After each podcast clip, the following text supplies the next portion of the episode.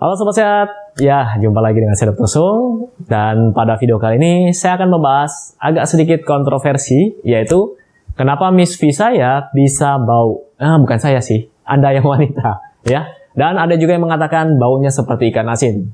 Nah, tonton video ini sampai selesai dan saya akan jelaskan.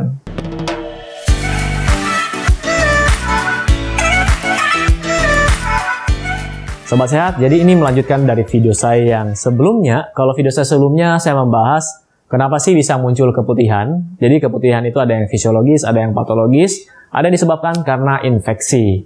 Nah, pada kesempatan kali ini saya akan membahas kenapa sih Miss V bisa bau. Nah, jadi buat Anda para wanita, jadi selain aktivitas dan berkeringat, yang menyebabkan Miss V Anda bau adalah karena infeksi.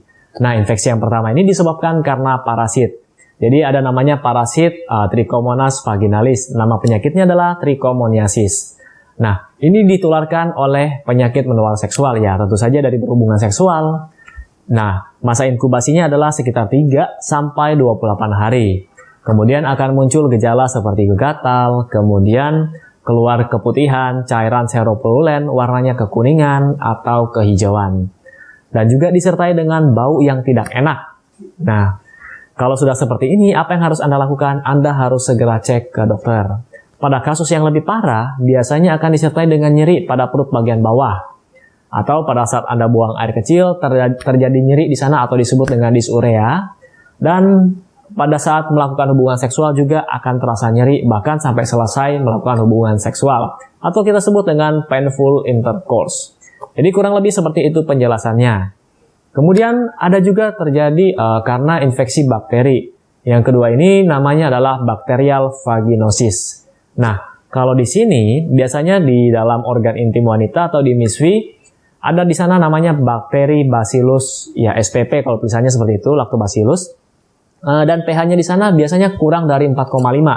Jadi ketika jumlah Lactobacillus tadi turun, kemudian akan digantikan oleh bakteri lain ya Biasanya bakteri anaerob, salah satunya adalah Gardnerella vaginalis. Susah juga sebutnya. Nah, ketika ini terjadi, maka akan muncul gejala-gejala seperti keputihan, kemudian bau yang tidak sedap. Nah, baunya ini khas seperti bau ikan, tapi bukan bau ikan asin.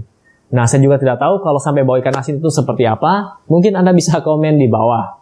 Oke, itu tadi adalah dua penyebab karena terjadinya infeksi yang bisa menyebabkan bau, kemudian juga bisa juga karena infeksi jamur atau pada penyakit-penyakit lain misalnya seperti kanker serviks. Saya sudah bahas di video saya sebelumnya, Anda bisa tonton di sini. Selain kanker serviks juga bisa menjalar ke kanker di bawahnya lagi yaitu vagina. Nah, kenapa bisa bau? Karena pada saat kanker, sel-sel tersebut tumbuh dalam jumlah yang banyak dan akhirnya banyak juga yang mati.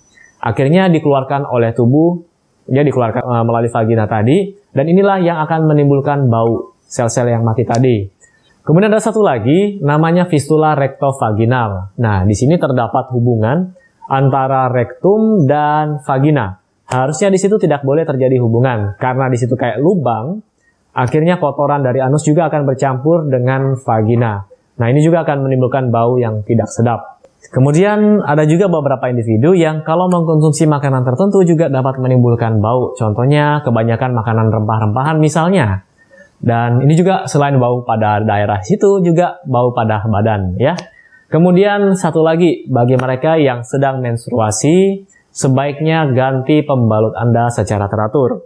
Jadi khususnya di sini Anda bisa ganti 3 sampai 4 jam sekali. Gunakan pembalut yang baik. Ya, kalau Anda tidak ganti, ini juga dapat memicu timbulnya bakteri, akhirnya bisa terjadi infeksi. Ya, bau lagi deh. nah, buat Anda yang sedang mencari produk pembalut, mungkin Anda bisa cari tahu di sini linknya.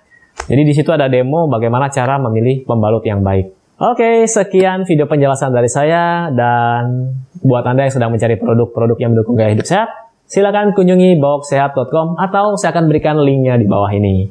Oke, sampai jumpa di video saya selanjutnya. Salam hebat luar biasa.